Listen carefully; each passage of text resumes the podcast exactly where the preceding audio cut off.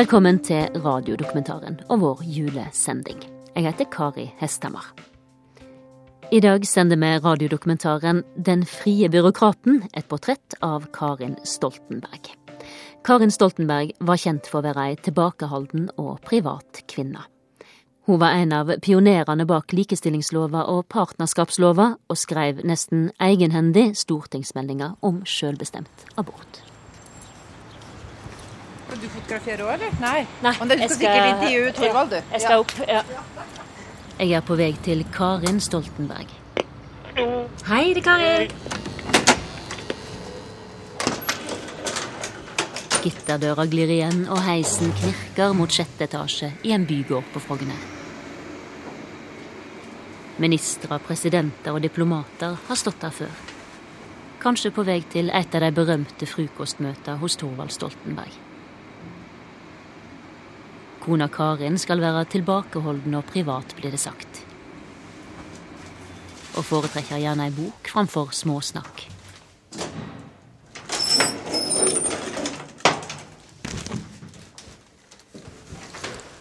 Hallo. Hei. Hun står i døra i velurjoggedress og møter meg med et smil og en klem. Kom inn. Takk. Men du kom og se utsikten først? Det er en av Oslos fineste. Særlig når du er helt nede i sentrum.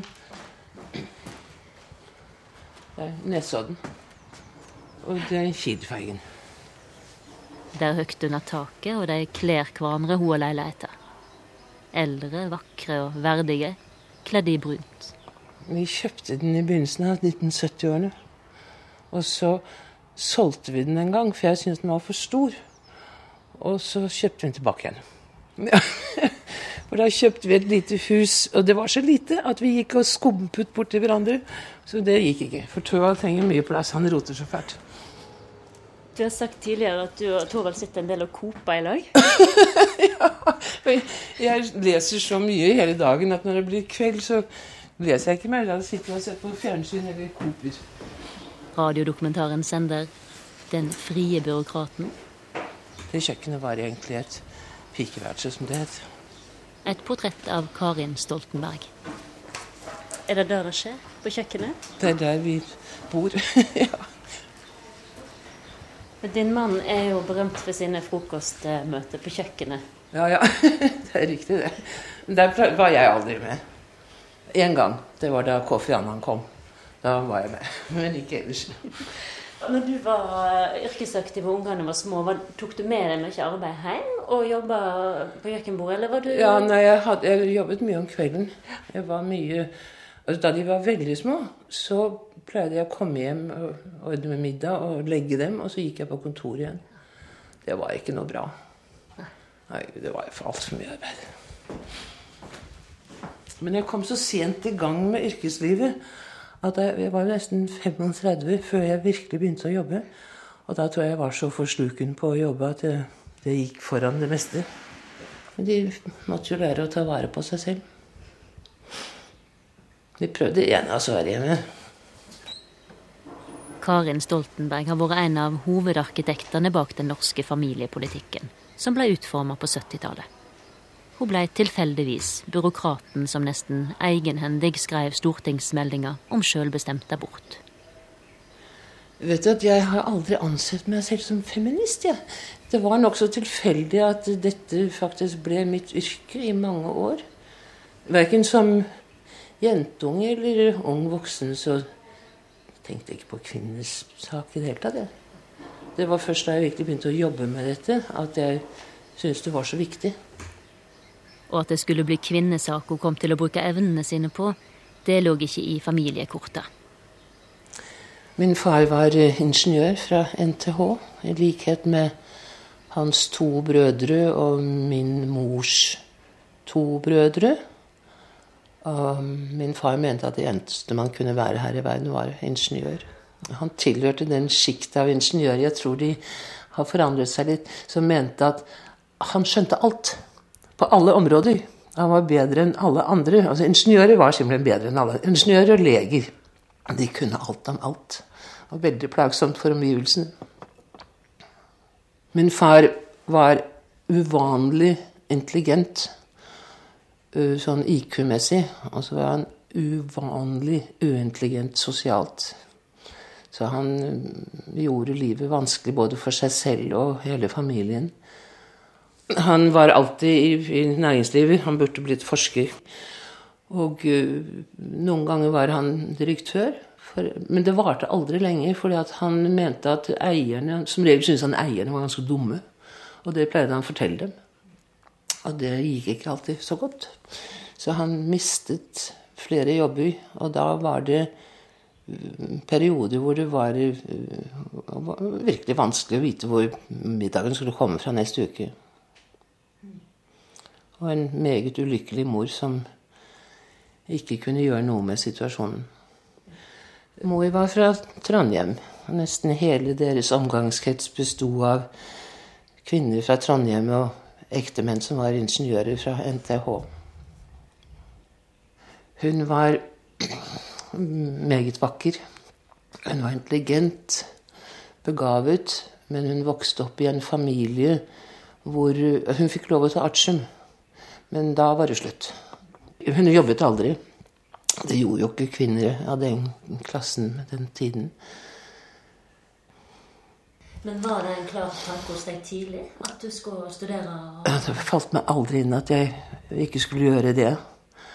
Og uh, allerede som ung tenåring så var jeg litt skeptisk til ekteskap. I hvert fall ekteskap som forsørgelsessituasjon. Det mente jeg man ikke kunne stole på. Jeg kan huske blant annet jeg satt og fortalte min mor, da var jeg vel en 14 år eller noe sånt, om at hvit brud det skulle jeg i hvert fall aldri være.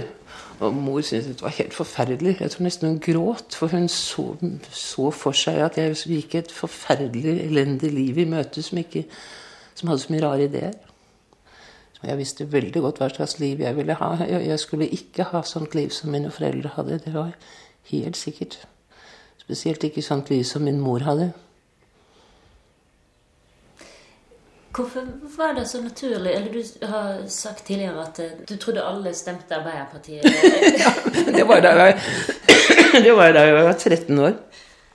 Vil du ha en kopp kaffe? Ja, du. Det var, som jeg fortalte, like etter krigen Det var først da jeg oppdaget at det var noe som het politiske partier. Det hadde ikke jeg antageligvis visste noe særlig om før. For under krigen var det jo bare nazistene. Og, og, og, jeg hadde en far som mente at etter krigen så ville det ikke bli noe sånt partisystem igjen, fordi at da var alle nordmenn blitt så samarbeidsvillige og gode venner at man trengte ikke disse gamle partiene, mente far. Og jeg trodde, da jeg skjønte hva de forskjellige partiene sto for, så trodde jeg at alle mennesker kom til å stemme Arbeiderpartiet. Det var, mente jeg var opplagt. Men det var ikke opplagt på Ry skole. Langt ifra. Det, det, nei, sånn var det ikke der. Hvordan vil du beskrive deg sjøl? Skoleflink. Um, jeg var ikke Altså, jeg var helt overbevist i min politikk hvor jeg, hvor jeg hørte hjemme politisk, men jeg var ikke aktiv. Og det tror jeg skyldtes for det første at jeg var veldig opptatt av å være populær på skolen. Veldig opptatt av å være populær blant guttene. Litt for opptatt. Se her, er det systematisert. Ja, lite grann. På det solide, gamle langbordet på kjøkkenet har Karin lagt fram papirer fra 70-tallet. Den er godt brukt. Jeg ser det. Gullene her. Er den første, det? Meldingen er den første stortingsmeldingen om barnefamiliens levekår hvor vi la frem alt sammen, inklusive abort. Selvbestemt abort. Og det har jeg veldig lyst på å snakke litt om. Ja. Den første stortingsmeldinga om selvbestemt abort. Vil du bla i den? Ja, det kan jeg. Rapporter og utgreiinger i sirlige bunker.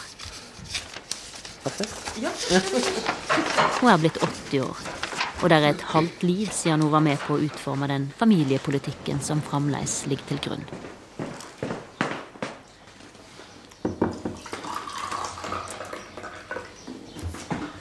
Jeg begynte som byråsjef i det som den gangen het, het Forbruker- og administrasjonsdepartementet. Da var familiepolitikk var liksom en bortgjemt liten del av, av én avdeling. Og da jeg begynte der, så var Inger Louise Valle var statsråd. Og jeg spurte henne om hva det i grunnen var jeg skulle gjøre, for det var ikke gått noe særlig klart frem av annonseringen av den jobben. Og hun sa du skal være med på å lage en familiepolitikk. Og så sa jeg hva er det? jeg tror ikke jeg hadde hørt ordet før. jeg. Og så sa hun at det vet ikke jeg heller, sånn, men jeg vet at vi trenger det. For at nå har helt fra slutten av 60-tallet og nå i begynnelsen av 70-tallet så går kvinner ut i arbeidslivet, også unge kvinner med små barn. Og uten at noen ting er lagt til rette for å gjøre dette mulig. Og vi vet, og da visste vi at det var en 150 000 gifte kvinner som sa at de gjerne ville gå ut i arbeidslivet, men de kunne ikke skjønne at, hvordan det skulle kunne foregå. Det var ikke mulig. Eh, de var aldri registrert som arbeidsløse, for det var ikke noe vits i. De ville jo ikke få noe arbeidsløshetstrygd allikevel.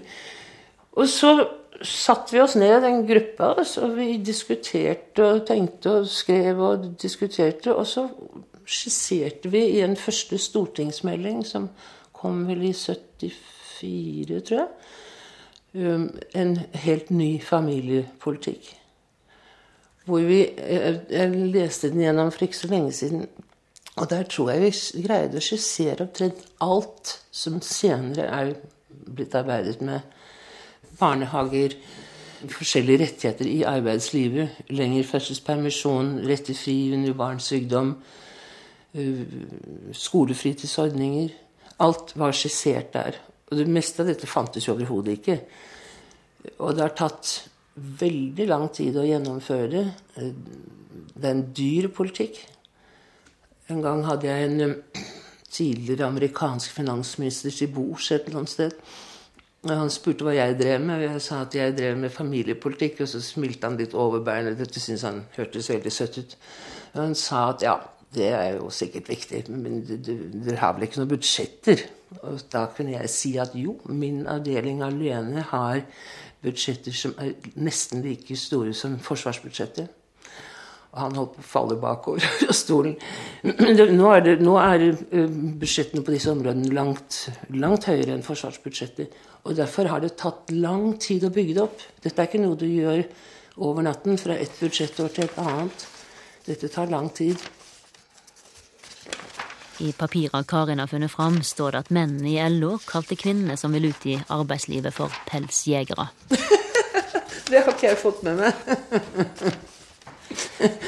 Ja, det var, det var, eh, Særlig blant de eldre mennene, både i Arbeiderpartiet og i LO, var det nok skepsis til, til dette.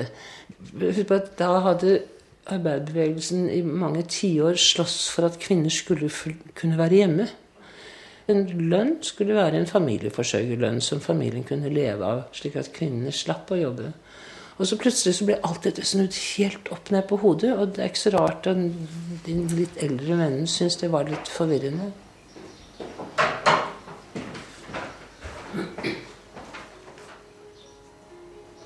Jeg syns det er ganske deilig å være alene. Og det passer meg veldig bra at Tuva jobber så mye.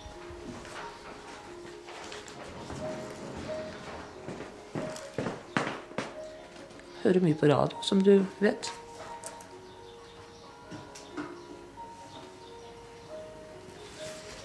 Han har sagt at hun er umistelig for han. Det er blitt 65 år siden de første gang møttes. Vi traff hverandre en påskeferie. Hvor øh, jeg var med en venninne på hennes hytte, og han, han var med kjæresten sin på hennes hytte. Og jeg likte så godt kjæresten hans. Hun var så kjempesøt. Det er hun fortsatt. Så jeg ble i grunnen forelsket i dem begge to. Og så ble det slutt etter en stund, og så begynte Torvald og jeg å være sammen. Men han syntes at jeg var litt trist og stur og sånn. Så han fant seg en som var veldig mye blidere og hyggeligere enn jeg var. Og så ble det slutt. Og så flyttet jeg til Canada like etter Artium. Og ble borte der i seks år. Etter tre år så hadde han funnet ut at det var feil av han å gjøre det slutt med meg da vi var 18. Så han angret seg, og så han, tok han hyre på en båt og dro over Atlanterhavet. Og så fant han meg på en fjelltopp nede i Vermont hvor jeg hadde sommerjobb som, som counselor på en sommerleir for rike jenter av rik familie. Og der fant han meg. Og så sa han gledesstrålende at nå har jeg ordnet med, med plass, med jobb for oss begge to på en lastebåt tilbake til Norge, så nå gifter vi oss. Og så drar vi til Norge.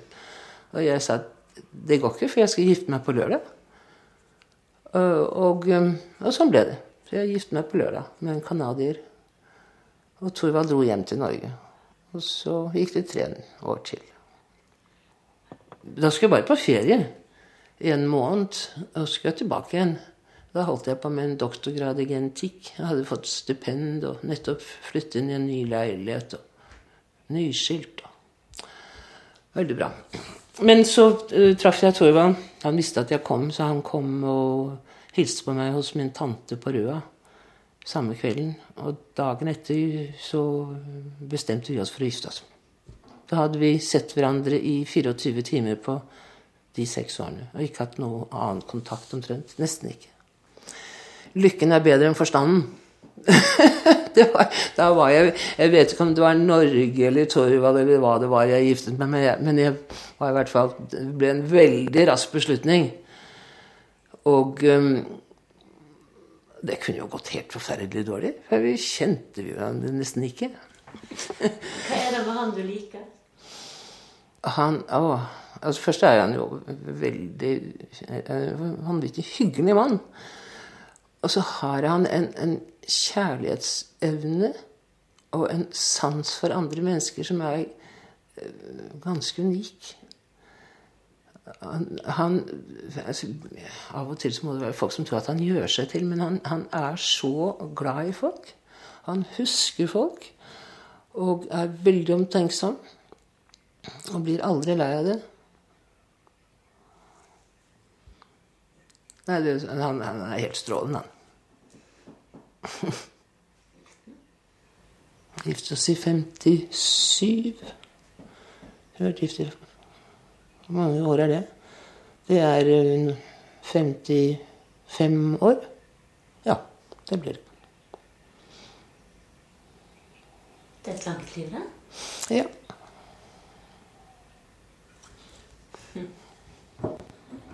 Skal du ha mer kaffe? Jeg tror ikke jeg har noe spesielt anlegg for god ekteskap, men Torvald har det. Helt opplagt, og det hjelper. Det har mye med at han er veldig, veldig snill.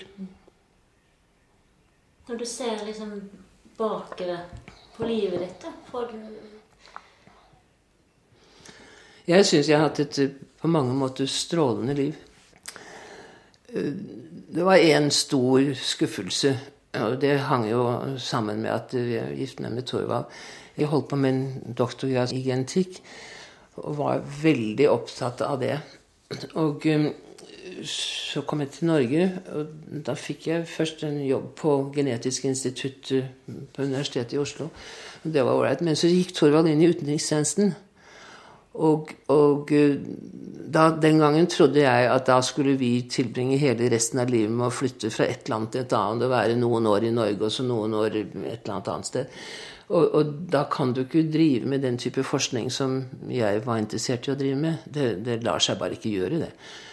Um, så jeg slo helt om og leste statsvitenskap uh, og så endte det opp med at jeg ble administrator og byråkrat. Det tok meg mange år å venne meg til den totale omleggingen av det jeg mente skulle være mitt yrkesliv.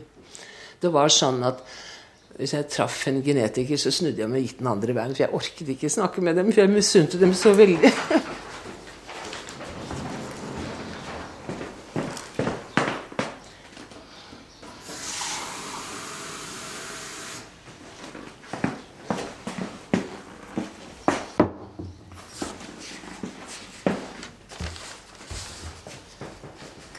mest stolt av av det du har gjennomført? Jeg tror det må være å ha vært med på Ikke på noen måte alene, men i hvert fall vært med på å, å få oppmerksomhet på ting i tiden som jeg selv syns og syntes var veldig viktige. Inklusive, ja, inklusive reproduksjon, abort og prevensjon og kvinners stilling. Jeg mener jo at den store forskjellen i kvinners liv er adgang til prevensjon og, og abort. Altså det har endret kvinners liv mer fundamentalt enn noe annet. Alt det andre som har skjedd, kunne ikke ha skjedd hvis du ikke hadde kontroll over din egen fruktbarhet. Dette er helt grunnleggende. Det gjorde at kvinner kunne ha mulighet for et selvstendig liv. Det at de kunne regulere antall barn. Det er jo ikke noe tvil om at kvinner stort sett har fått mange flere barn enn de ønsker seg alternativ til en lovlig abort er ikke ikke-abort. Det er ulovlig, kjempefarlig abort. Romania var det eneste kommunistland som reverserte dette. Ceaucescu ville gjerne ha flere rumenere, så han uh, opphevet denne frie adgangen til svangerskapsavbrudd. Og dermed så røk ikke fødselstallet i været, men antall kvinner som døde på sykehus etter å ha gjennomgått en ulovlig abort. Du vet, Jeg har hørt snakk om strikkepinneaborter. Altså det, det er helt bokstavelig. At kvinner tok kleshengere som var bedre enn strikkepinner, fordi at kleshengeren kunne du vri og bende på. Og så greide de å få det innført i vagina, og inn så vidt inn i skjeden. Og det fikk de da røsket til såpass mye at eh, det ble blødninger og en abort. Og dette var jo forferdelig farlig, for fordi at dette var jo ikke sterilt. Og det kunne komme borti andre organer. Og veldig mange av disse kvinnene havnet jo på sykehus, hvor sykehuset skjønte jo hva det var, men hjalp dem. Og det var ikke bare en viss dødelighet av dette, men det var også ganske mange andre komplikasjoner i tillegg til sterilitet. Så dette var en forferdelig ting. Og så hadde jo, hvis du går enda lenger tilbake, så har jo de som hoppet på fossen. Men hvordan var sanksjonene og altså, omverdenen i forhold til dette? Man snakket ikke om det. Det var veldig lite snakk om det. Jeg husker da Berthold Grinfelds doktorgrad kom, som het 'Abort i Norge', så var det ganske sensasjonelt. For det første for at han la frem tall. Veldig nøyaktige tall. Det han gjorde som hovedsaken i sin avhandling, var at han delte opp Oslo i ti områder basert på inntekt og utdanningsnivå. Og så fant han ut forskjellen i antall legale aborter. Og så fant han en kjempeforskjell. Fra de bedre stilte strøkene hvor dette var ganske lavt, til de dårlig stilte strøkene hvor det var høye tall. Og forskjellen skyldtes kvinnenes bruk og adgang til prevensjon. Så de, de sosiale forskjellene var veldig store. Men man snakket lite om det. Jeg vet ikke hvor mange aborter det er i året. egentlig. Ca. 15 000. Litt sånn opp og ned. Det er omtrent det nivået det var den gangen selvbestemt abort ble innført. Det var jo veldig mange som fryktet at nå ville aborttallene fyke i været. Det har de ikke gjort. Tenk å bli kvitt den redselen, den frykten. Bare det å ha glede av sex, det er jo noe, det òg. Som helt opplagt er mye mer utbredt nå enn da du stadig var livredd for å bli gravid uten kontroll over sin egen sykepleier, så mener jeg at det vi kaller kvinnefrigjøring, kunne overhodet ikke finne sted.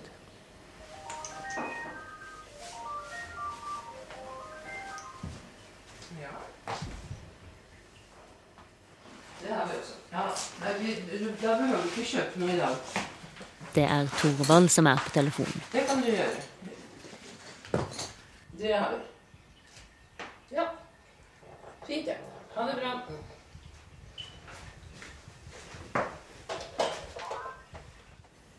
Hva var din forventning til samlivet? minst like høy som alle andre som inngikk et forpliktende samliv. Det er veldig mye romantikk ute og går her. Jeg hadde veldig sans for at um, folk ble samboere. Og at det kunne gå lang tid før det, det ble noe barn. Det tror jeg er veldig fornuftig sammenlignet med hvordan det var i min generasjon. Da giftet folk seg ofte ganske unge hodestupt forelsket. Og jeg er helt overbevist om at en viktig grunn til at så mange giftet seg, og at det ble barn av det ganske fort, var at det var den eneste måten å ha sex på på en hyggelig måte. Så, fordi at sex utenfor ekteskap var litt sånn tabu. Ikke bare litt sånn, men det var tabu. Så foregikk det Det foregikk jo, men det foregikk på all verdens slags utrivelig vemmelige måter. Så jeg tror folk giftet seg fordi da kunne de ha sex på en hyggelig måte. Og det er nå borte, og gudskjelov for det. Og om et samboerforhold går i stykker, så ja, det, Sånn er det. Det er ikke så farlig, det. Jeg tror ikke det er så forferdelig farlig hvis det er barn også, så fremt foreldrene oppfører seg skikkelig. Tenker du at troskap er noe annet enn seksuell troskap? Ja. Absolutt. Hva er troskap? Ja, troskap det er kanskje lett for meg å si, for jeg har alltid følt at det var Thorvald jeg skulle være gift med. Og det betyr jo ikke at det har vært bare greit. Det er vel ingen forhold som, som er. Men det har betydd at man prøver å alltid få dette å gå for meg. For jeg vet jo at jeg likevel hadde det beste jeg kunne få. Og da kunne man jo like gjerne prøve å få dette til å bli enda bedre. Og Tove har vært enda flinkere, mye flinkere enn jeg har vært. For han er så tålmodig, så han, han er den som har virkelig lagt bredsiden til når jeg har vært sær og vanskelig. Men dette er for meg en form for troskap som er mye viktigere. Det har aldri falt meg inn at ikke vi skulle fortsette å være gift. Aldri, aldri med en eneste gang.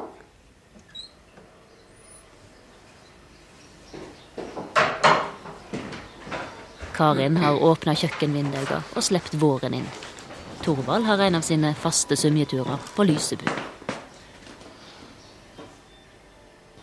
Hva filosofi hadde det på eh, barneoppdragelse? Veldig fritt. Delvis av overbevisning, delvis Vi hadde ikke tid til, tid til noe annet. Så det ble temmelig fritt. Hvordan var en dag i familien eh, her i dag Stoltenberg?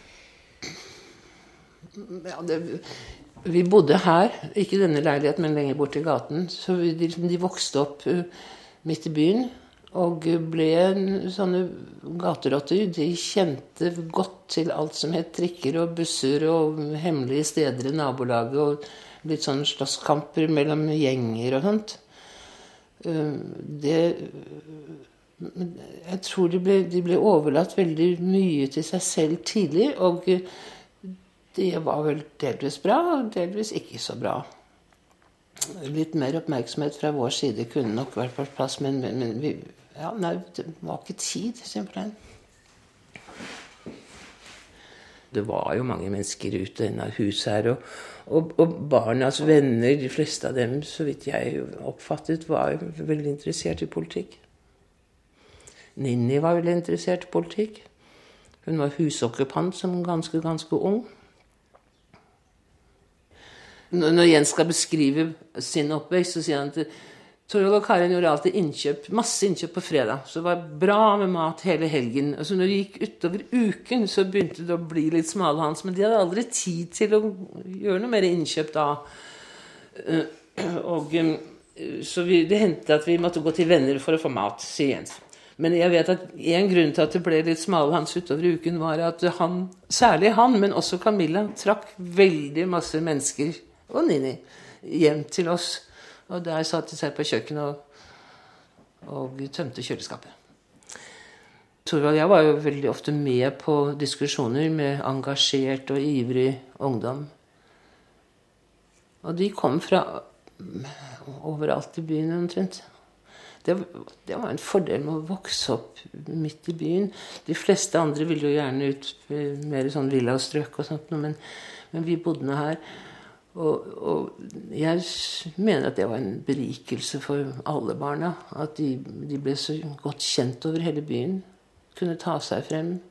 Jeg husker Jens hadde en venn som bodde i en stor villa ute på Blommenholm. Når Jens var og besøkte han, så sa han 'Stakkars han'. Sånn som han bor, så han syntes det var så nitrist. Og på et tidspunkt så kjøpte vi Jeg ville så veldig gjerne ha hus og hage. Så på et tidspunkt så kjøpte vi et hus oppe i Blindern. Like ved universitetet. Og, eh, og, og, det var en stund til vi skulle flytte inn der, så vi bare tok med barna opp for å se på det av og til. Og Jens viste seg var veldig motstander av dette prosjektet. Det bor jo ikke noen folk her, sa Jens. jo visst bor det folk, sa vi. Se på alle husene her. Bor det mennesker, hyggelige mennesker i alle husene. Nei, ikke sånn som nede i byen, sa Jens. Og når vi da kjørte hjem igjen, så måtte vi alltid kjøre en omvei ned i det som var igjen av gamle Vika. Noen ganske dårlige boliger. Uh, her er det fint her, sa jeg. Så det ble til at vi ikke flyttet inn i det huset. Solgte det igjen. Men dere hadde egne barn på Steinerskolen? Ja. Mm. ja. Hvorfor valgte dere det? Eh, fordi altså, vi kom hjem da hadde vi bodd i Jugoslavia, og Camilla gikk i annen klasse på en skole i Jugoslavia. Hun hadde begynt som femåring. Og kom hjem da var hun syv. Og så syntes jeg at vi kunne ikke la henne Vi satte henne på vanlig skole, nabolagsskole. Men det, det, gikk ikke så bra. Først så kjedet hun seg. Hun kunne jo alt sammen. Inklusiv å skrive små stiler på engelsk. Og så hadde hun en venninne som gikk på Steinerskolen. Og da sa vi at der skal hun også. For der kjeder du deg i hvert fall ikke. Og så var det Jens. Jens var um, usikker. Han var veldig redd for å bli stor. Da han fylte tre år, så gråt han fordi at tre år hadde hans eldre søster Camilla nettopp vært. Og så flink som hun var, kunne han aldri bli. og Det skjønte han veldig godt. Så han insisterte på Han var to år. Det fortsatte han å insistere på. Nesten da han ble fire. Han ville ikke bli stor. Og han var veldig redd for krav. Han hadde også litt problemer med at vi kom hjem fra Jugoslavia. Da ville vi at han skulle bli heilnorsk, så vi sendte ham til en sånn naturbarnehage, Tom Murstres barnehage oppe på Øvre Setertjern, hvor ungene var ute og baste i sneen hele dagen. Og dette her syns jeg gikk over alle grenser. Han syntes dette var helt grusomt. Så vi måtte ta han ut fra den barnehagen og sette ham i en vanlig barnehage. Hus, husmødrenes barnehage, som det het den gangen. Så han, Vi var også redde da for at hvis han ble satt på en vanlig skole som, Og den gangen så ble du, når du lærte bokstavene, så skulle du skrive A nøyaktig mellom to linjer. Det var veldig viktig. Og vi tenkte at det der kommer aldri til å gå bra. Så derfor så kom han til Steinerskolen. Og da det var Ninnis tur, så var det liksom opplagt at Og de hadde det veldig bra der. Og i hvert fall for Jens, at han ikke ble påtvunget å, å, å lære ting så tidlig. Jeg tror han var ni eller ti år. Ja. Så, så, kunne han ikke lese. Og så ringte vi til skolen og sa at syns dere ikke det er på tide at Jens lærer å lese? Og så sa læreren hans at jo, men kan ikke dere gjøre det? Fordi at vi har så mye annet å drive med, sa læreren. De drev med teater og musikk og alt mulig kunstnerisk utvikling. Så satt særlig Torvald seg ned da, og lærte gutten å lese. Det gikk jo på et blunk, det. Og så begynte han å lese tjukke bøker med en gang. Men jeg er sikker på at hvis han hadde blitt tvunget til dette noen år tidligere, så hadde det ikke gått så bra. Men det gikk kjempefint. Det formet dem delvis i, delvis i hva de var interessert i, men også, også tror jeg som mennesker. De, de ble veldig vennlige barn. Ja.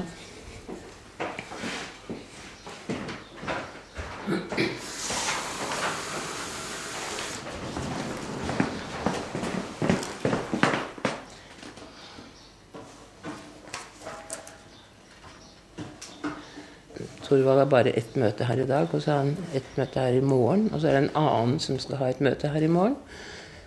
Bra møtelokale her.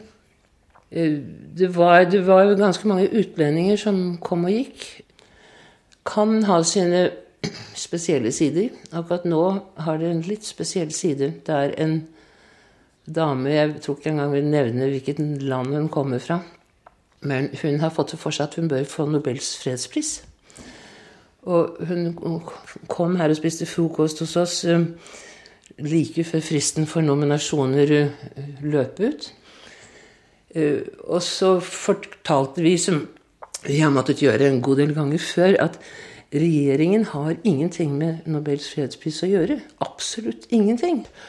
Og så sa Thorvald da for godt monn at Og i alle fall, selv om regjeringen hadde hatt noe med det å gjøre, så ville jeg aldri prøvd å påvirke Jens den ene eller den andre veien. Og jo, altså, jeg tenker nok at hvis du bare snakker med ham, så går nok dette i orden. Og dette driver hun med. Der ligger det der noen presanger hun sendte via en annen i går. Jeg har ikke åpnet dem engang. Folk fra alle klasser og land, punkere og statsledere, har vanka inn og ut av leiligheter på Frogner. Karin retter med åra blikket mer og mer mot kvinner i andre deler av verden, og arbeider både for Røde Kors og Norad. Jeg prøvde å stake frem noen, noen retningslinjer for norsk bistand for å nå kvinner bedre. Og etter hvert så, så deltok jeg mer og mer internasjonalt når det gjaldt kvinnepolitikk i utviklingsland. Jeg ble visepresident for FNs kvinnekommisjon, bl.a. Befolkningseksplosjonen oppdaget man sånn på slutten av 60-tallet. Og det var veldig mye oppmerksomhet på det. Det som tok litt lengre tid å oppdage, var at dette var først og fremst et helseproblem. Altså Det gikk til de grader utover kvinners og barns helse. Det nytter ikke å komme til disse folkene og si at av hensyn til befolkningsutviklingen så må du slutte å få så mange barn. Det, det kommer du ikke noe være med. Men det du kan si til kvinnene, er at hvis du vil at det lille barnet du nettopp har fått, skal overleve, øker sjansen for at det barnet lever opp, så pass på at det går noen år før du får det neste. Og så ikke begynn å få barn når du er 14-15 år. Fortsatt er det langt igjen i Afrika sør for Sahara. Men det kommer.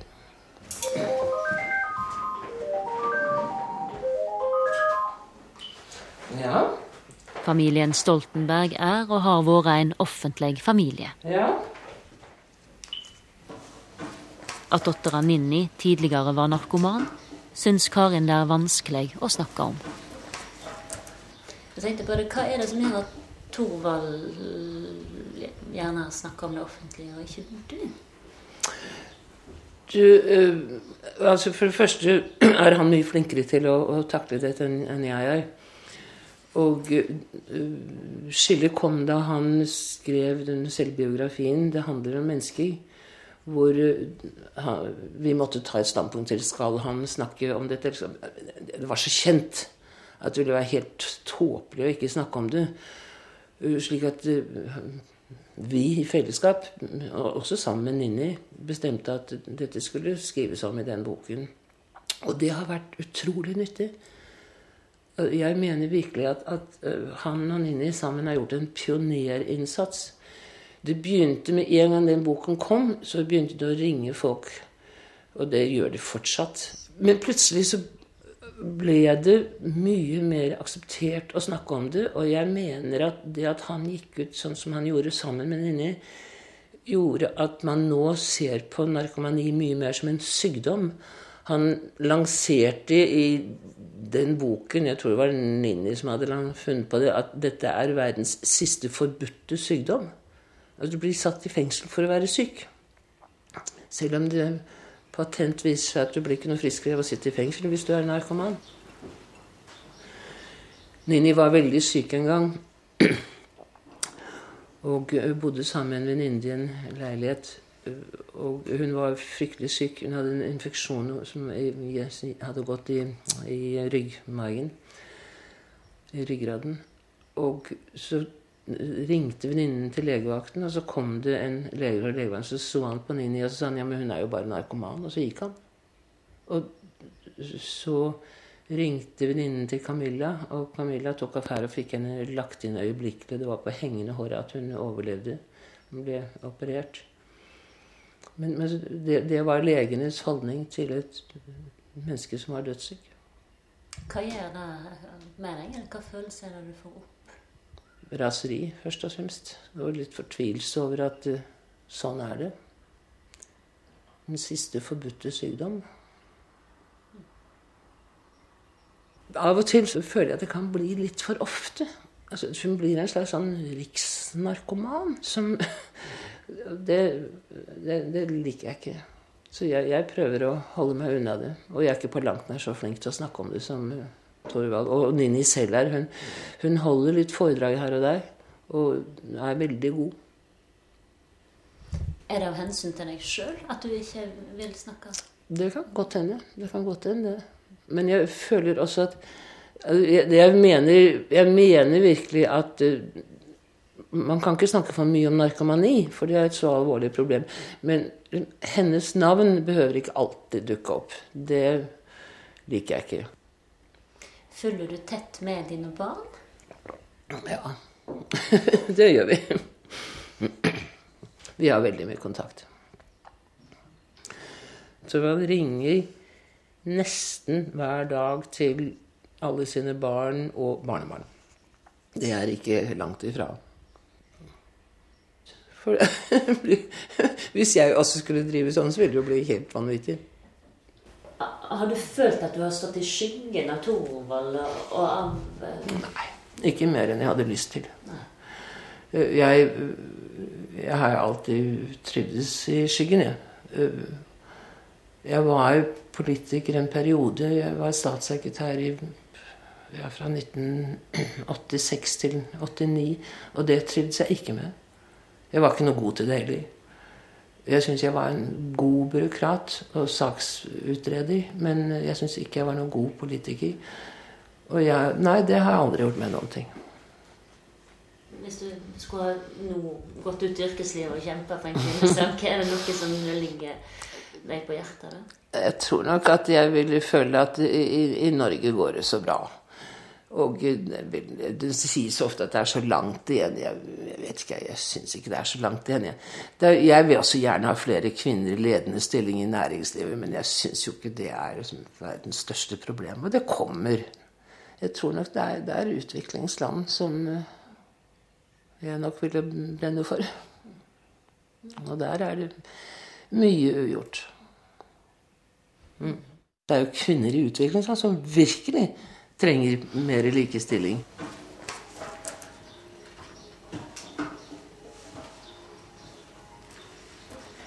Jeg hadde som Fra jeg var ganske ung, som tenåring, så hadde jeg nok et litt annet livsideal enn sånn det ble. Jeg skulle bli forsker, jeg skulle leve et veldig stille og rolig liv. Gå på en konsert av og til og en utstilling og lese litt innimellom.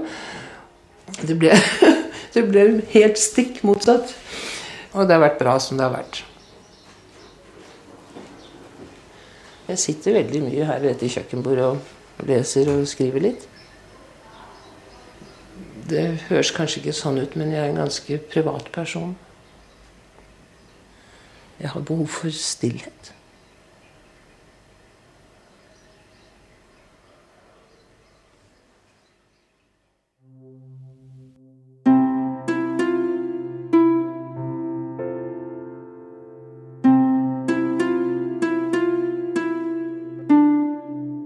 Du har hørt radiodokumentaren Den frie byråkraten, et portrett av Karin Stoltenberg. Og Karin Stoltenberg gikk bort i oktober 2012. Programmet var laga av Kari Hestemar. Teknisk regi var ved Merete Antonsen. På mandag sender vi dokumentaren Plagsomme Tom, tyven som ingen kan ta. Tom er kriminell og schizofren. Han er for sjuk for fengsel, men ikke farlig eller sjuk nok til å bli tvangsinnlagt. Og dermed får han ingen straff. Ja, Det er kanskje ikke bra å stjele heller, men jeg prøver å kutte ut alt, da. Jeg slutter å stjele biler, Ja, men nesten, da. Hør radiodokumentaren 'Plagsomme Tom tyven som ingen kan ta' mandag klokka 11 her på NRK P2.